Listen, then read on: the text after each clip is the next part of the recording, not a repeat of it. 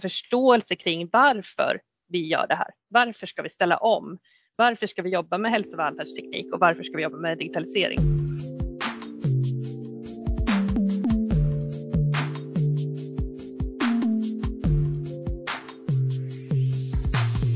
Hej och välkommen till FoU-podden.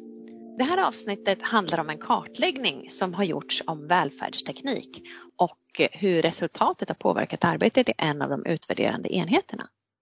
Jag som gör podden heter Lena Stenbrink och är kommunikatör på FoU Sörmland. Och med i det här avsnittet är Mattias Källqvist, Sofia Karlsson, Rosmarie Rundqvist och Anna Åkerberg. Varmt välkomna. Tack. Tack. Skulle ni kunna presentera er lite noggrannare än vad jag gjorde? Vi kan börja med eh, Sofia. Ja, jag heter Sofia Karlsson och jag arbetar som verksamhetsutvecklare på vård och omsorgsförvaltningen i Eskilstuna kommun. Eh, mitt område är funktionshinder där jag verkar inom. Då. Jag har jobbat som utvecklare några år och har jobbat med alla möjliga typer av frågor. Senaste tiden är eh, väldigt fokus på digitalisering och välfärdsteknik.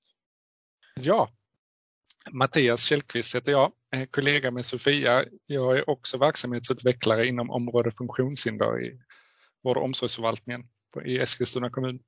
Och jag jobbar också väldigt mycket med digitalisering just nu och har gjort det senaste året. Jag heter Rosmarie Rundqvist. Jag jobbar på daglig verksamhet, arbete och aktivitet. Jobbar på Kretsloppet där vi jobbar med digitalisering med våra brukare och jag är digitaliseringsombud. Och jag heter Anna Åkerberg och jag jobbar som forskningsledare vid FoU i Sörmland sedan tre, snart fyra år tillbaka. Jag jobbar delvis med välfärdsteknik och digitalisering men har också lite andra uppdrag. Jag är i grunden folkhälsovetare och har forskat en del om hälsoteknik. Och Anna, skulle du kunna bara berätta lite kort då vad är egentligen välfärdsteknik och digitalisering? Ja, det finns ju en del definitioner av välfärdsteknik men jag skulle nog säga att den mest använda är den från Socialstyrelsen. Och nu, nu läser jag lite innantill här. Välfärdsteknik är digital teknik som syftar till att bibehålla eller öka trygghet, aktivitet, delaktighet eller självständighet för en person som har eller löper förhöjd risk att få en funktionsnedsättning. Jag vet inte, håller ni andra med? Jag håller med.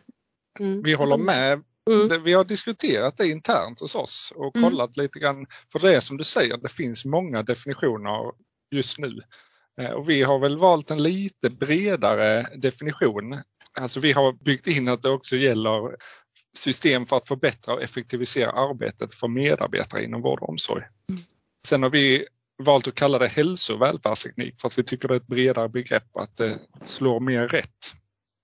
Ja men absolut, jag håller med. Sen tänker jag också på det här med eh, vad digitalisering är. Och eh, vad jag vet så finns det inte någon vedertagen definition där. Vad säger ni andra? Digitalisering som begrepp är väl också lite luddigt. Jag började också titta runt och se hur har man fångat in det här begreppet och hittade hos oss en intern termbank där digitalisering fanns med. Och mm. den hade nog den krångligaste definitionen av det begreppet jag någonsin har sett. Ska jag läsa upp det eller? Ja men den låter ju mm. spännande. Ja det är nästan som man vill dela med ja. sig. Men eh, häng med nu för nu tar jag ett djupt mm. andetag.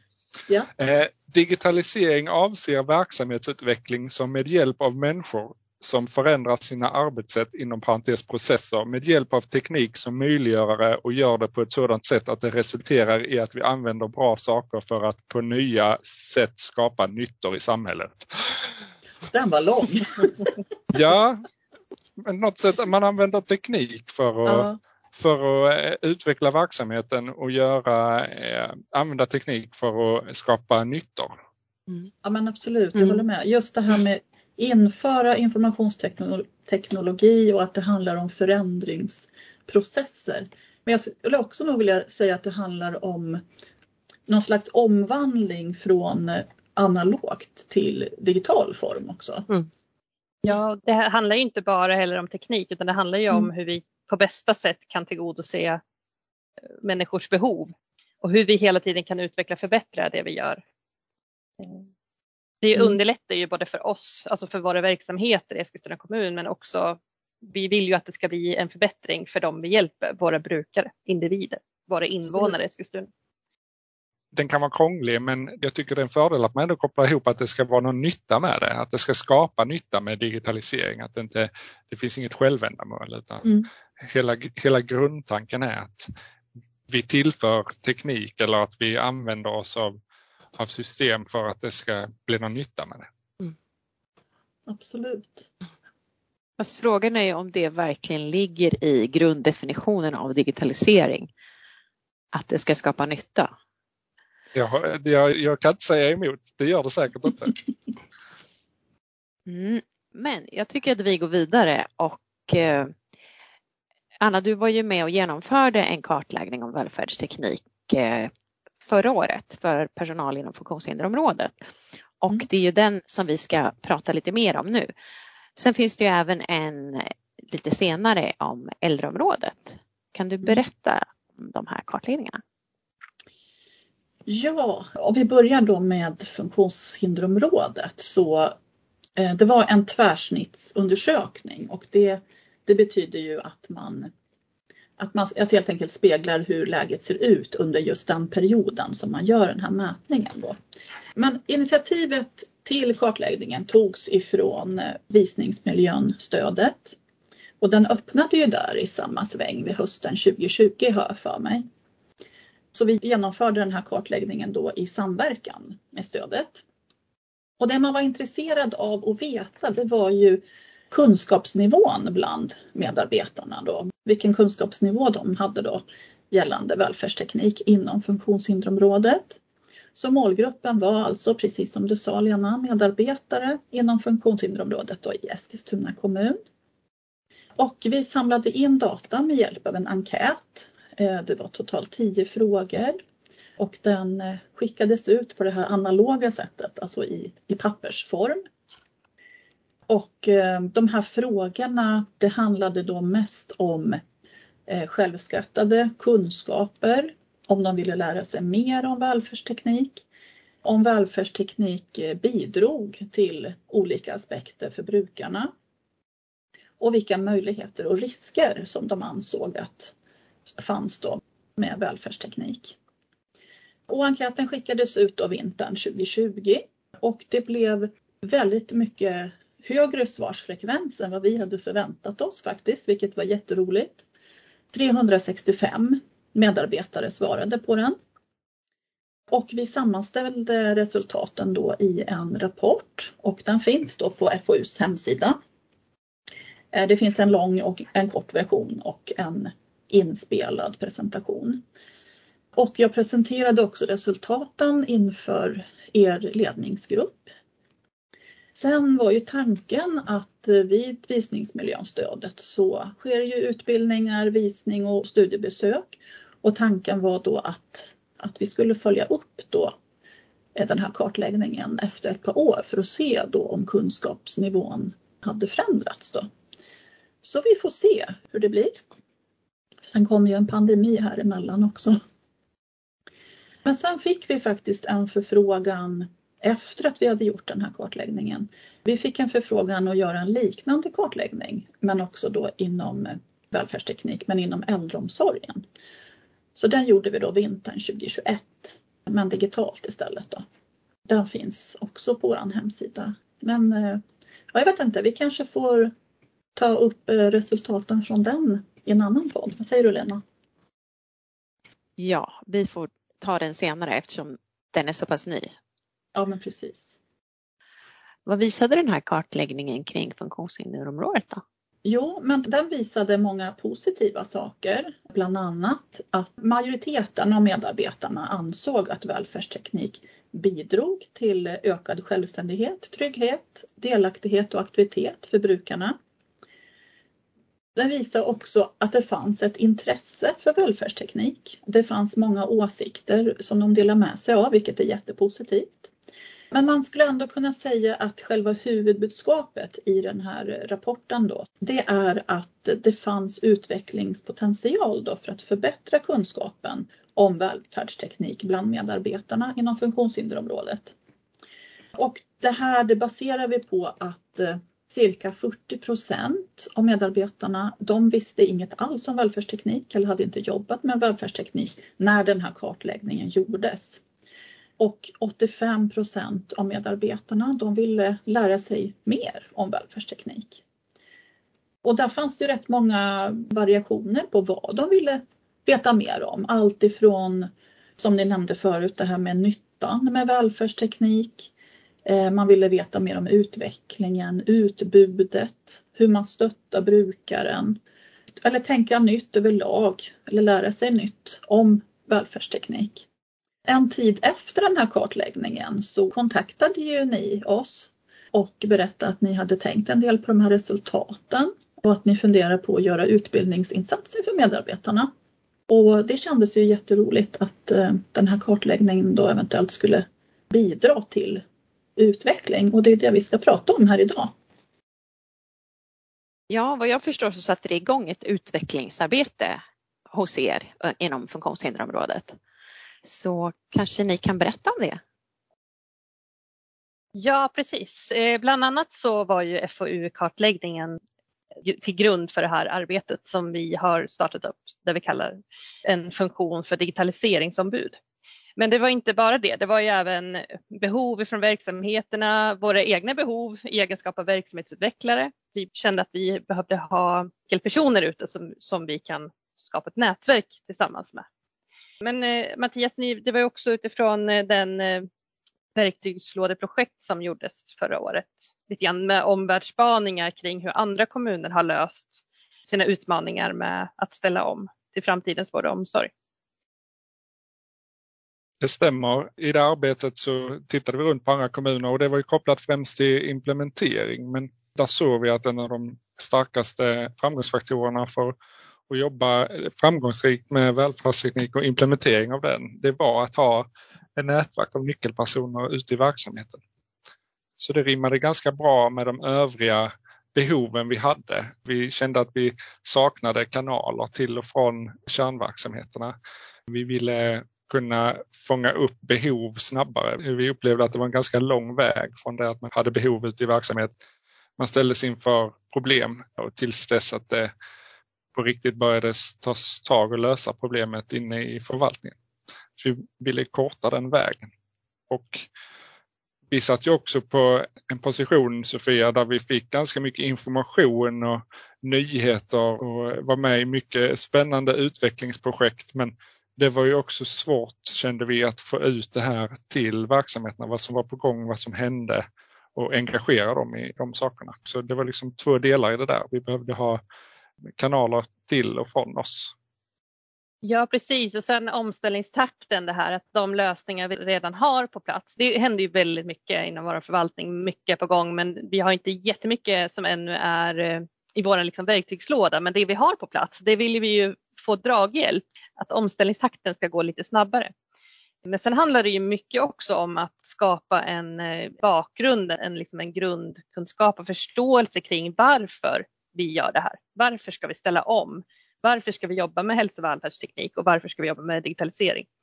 Så det har vi ju lagt mycket tid på under det här halvåret som är fram till nu i alla fall. Att, att grunda det, den, så att den förståelsen finns också i större utsträckning.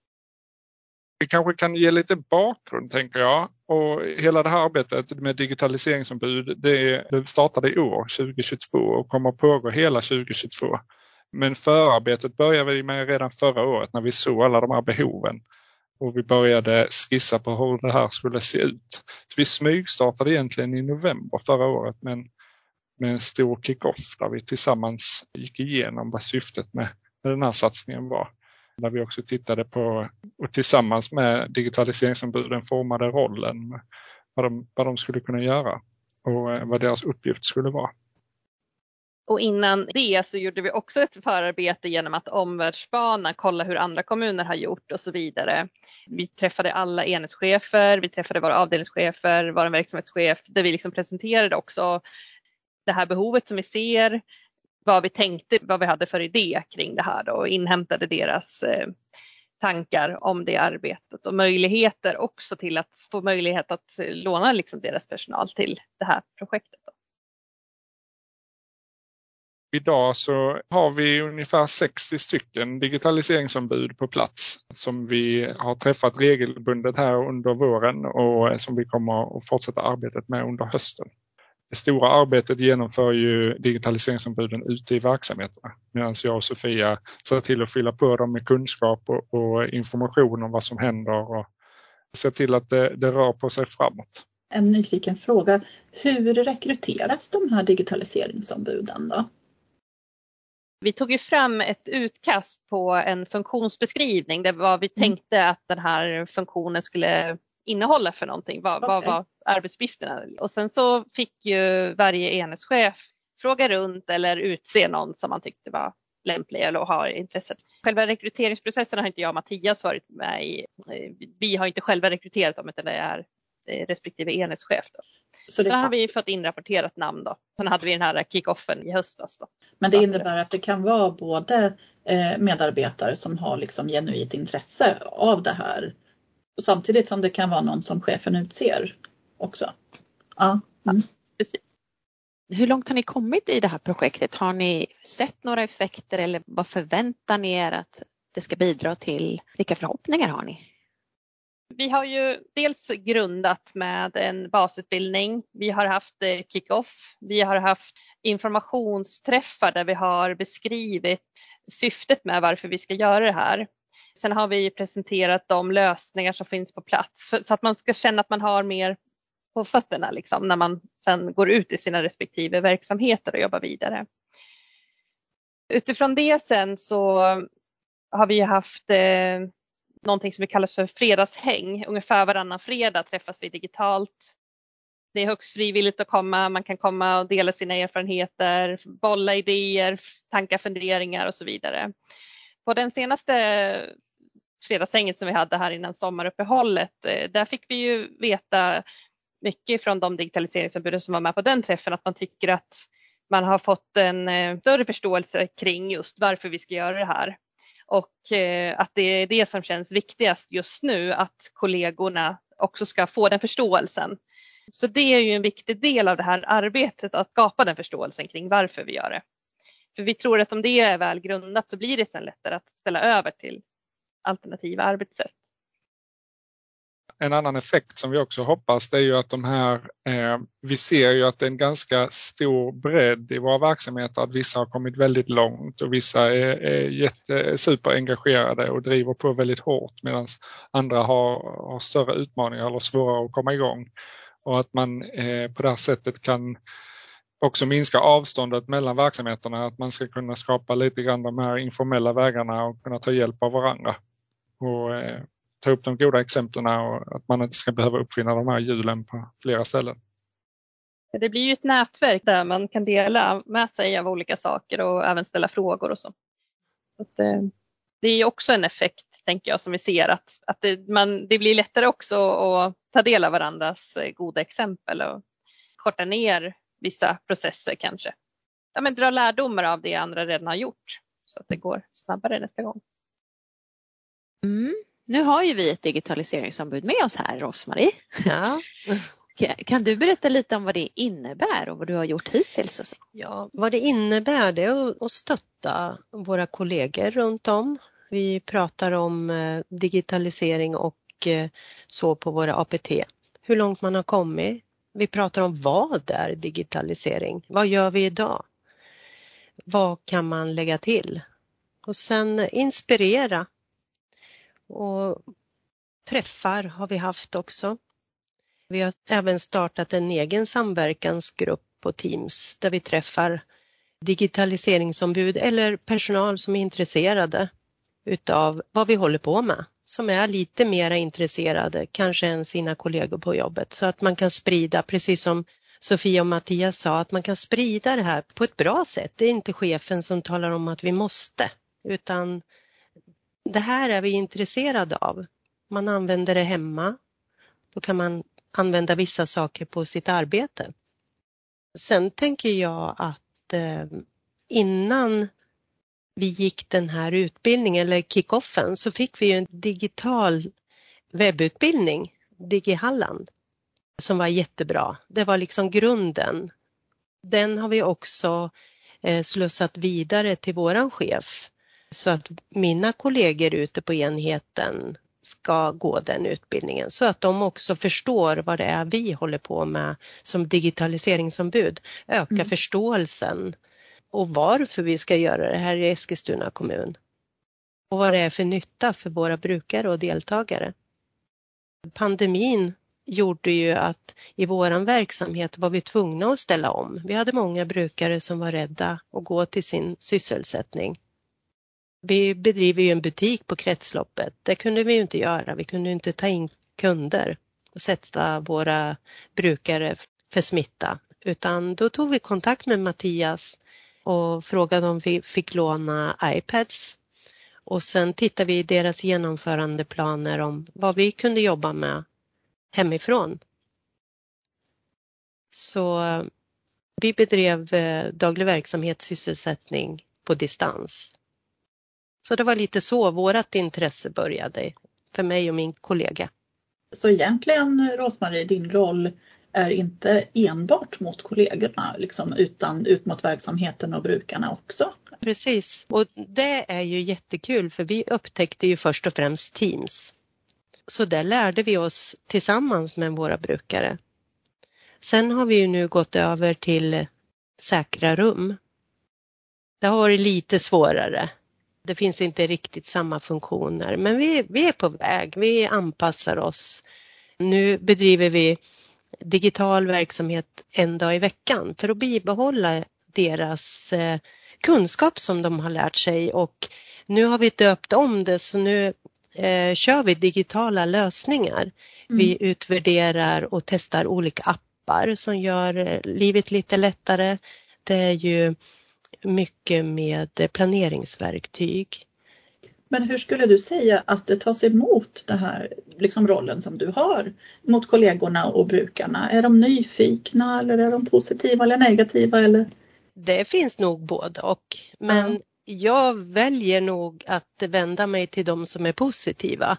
Att få energi av de som är nyfikna. De frågar mm. ju oftast mer. Och i och med att vi brinner för det här så känner vi att ja, men man kan bara göra en liten ring på vattnet. Sen mm. Eh, får den som lyssnar fortsätta. För det är ingen idé att pracka på en kollega till exempel som inte vill. Det märker man ganska tydligt. Vi har APT digitalt och man märker ju när kollegor inte vill vara med i bild till exempel. Det är lite läskigt. Men däremot när man börjar prata med kollegor så finns det ju eh, välfärdsteknik hemma i, i sitt hem. Så att eh, då får man locka fram det och prata om vad man själv har och varför mm. man har skaffat det och sen kan man föra in det, hur man skulle kunna föra in vissa saker på sin arbetsplats. Ja, en del av arbetet har ju också varit att prata lite grann om eh, förändringar liksom. Mm. och då har vi ju bland annat pratat om förändringskurvan. Det här att när man får någonting nytt presenterat eh, för sig att den första reaktionen kanske ofta är att, att det blir en reaktion och sen blir det ett motstånd innan man liksom vänder över till att känna engagemang och vilja att liksom utforska det nya arbetssättet.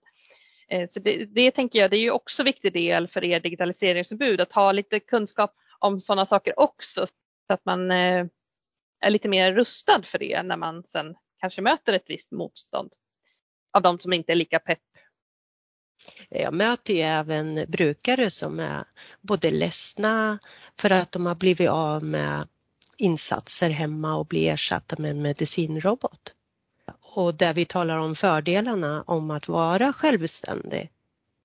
Och det har vänt här nu att ja, det är jättebra. Jag, jag har en robot som talar om när jag ska ta medicinen och det har blivit mycket, mycket bättre nu mm. när jag får den kontinuerligt. Alltså att man kan vända någonting ganska snabbt till någonting positivt än att som Sofia sa det här negativa först. Aha, vad, nu ska man spara pengar igen och eller mina insatser är inte lika mycket värda. Men man kanske har andra insatser mm. istället mm. som är mycket mera kvalitet på än mm. att ha en kontakt som ger en medicin och sen hej då. Men det måste vara väldigt liksom givande för er tänker jag att se den här förändringen hos, hos brukarna och kanske hos kollegorna också. Ja. Att, att de tar sig vidare i, i den här förändringskurvan och, mm. och blir positiva och ser vilka mm. fördelar som det kan föra med sig. Precis. Det är våran belöning så att säga. Mm. Ja, det handlar ju om att vi ska göra rätt saker i rätt tid liksom. Så att vi verkligen säkerställer att vi finns till till dem som behöver oss när de behöver oss. Alltså vi ska ju inte göra massa insatser som kan tillgodoses på ett annat sätt. Där man kanske till och med får en ökad livskvalitet. Nej, det handlar ju om att vi frigör tid så att vi möjliggör där vi behövs. Liksom. Det fanns ju en oro förut i verksamheten när man pratar om digitalisering att man lite alliant kunde säga att nu ska jag ersättas av en robot eller nu kommer jag inte ha något jobb. Men det är ju inte alls det det handlar om, utan det handlar ju om att vi behöver fokusera våra medarbetare i de mötena som är viktiga, i de insatserna där man verkligen behöver ha en mänskligt stöd. Ta bort det andra. Jag tror att vi har väl fått signaler där Sofia att det ändå börjar trilla ner den, den poletten det här med varför vi gör det här. Ja, och det är ju någonting vi också tydligt har marknadsfört hårt här, att alla kommer att behövas. Det är ingen som kommer att bli av med sitt arbete på grund av arbetsbrist. Det kanske bara handlar om att vi kanske gör lite andra arbetsuppgifter eller att eh, vissa stödbehov tillgodoses med en lösning istället som frigör då att jag kan ha det här eh, goda mötet med brukaren som behöver ha samtal kanske. Att vi finns till där istället. Det ska skapa ett mervärde för de vi är till för. Kommer det här projektet med digitaliseringsombud bli mer eller mindre permanentat eller är det något sånt här som projekt brukar vara, att det bara har ett slut och sen faller det eller hur, hur ser det ut? Det är en ettårig satsning som kommer utvärderas. Vi tror ju att det kommer fortsätta på ett eller annat sätt utifrån de resultaten vi kan se redan nu. Men det som är tydligt är att digitalisering är ingenting som kommer vara på ett ettårigt projekt utan det kommer ju snarare bara accelerera arbetstakten. Och vi kommer behöva ha den här typen av funktioner ute i verksamheten för att få det att funka. Sen om det blir exakt som den här rollen är utformad, det kanske det inte blir. Det kanske vi hittar smartare sätt att göra det på eller att vi ser i utvärdering att det finns saker vi måste förändra eller göra på andra sätt. Det behöver vi inte låsa oss vid. Men vi behöver ha personer som jobbar med det här ute i verksamheten min eh, förhoppning är ju att det kommer fortsätta på ett eller annat sätt och det är det jag starkt tror också. Jag tror att samverkansgrupper kommer nog ploppa upp lite här och var. För jag känner och hör på kollegor på andra enheter att det finns ett behov av att eh, få lite, hur gjorde ni? Vi har det här behovet nu, hur gjorde ni? Vad ska vi tänka på? Och vi som har hållit på lite längre, vi delar med oss. Också med både appar och allt möjligt som vi lägger ut så att de kommer åt. Och jag tror att ju mera vi pratar om sådana här saker, desto lättare blir det för andra att haka på. För det vet vi ju, våra datorer och telefoner, det är inte bara en fluga utan de är här för att stanna. Och lite på det temat tänker vi att höstens träffar kommer ju vara med fokus på att träffas fysiskt. Under hela våren har vi egentligen haft fokus på digitala och det har ju varit restriktioner. Vi har ju inte kunnat träffas fysiskt men tanken i höst är ju att vi ska också träffas fysiskt och kunna liksom jobba mer tillsammans och i grupper och det här ännu mer nätverkandet som du säger Rosmarie och dela erfarenheter ännu mer och vi, jag och Mattias kan peppa och stötta i handledning och så vidare. Så att eh, vi hoppas att det liksom blir ännu mer kraft här till hösten i projektet. Mattias, skulle du kunna berätta lite mer om den här loggboken? Är det som en dagbok typ där de skriver, du sa vad de, vad de gör liksom?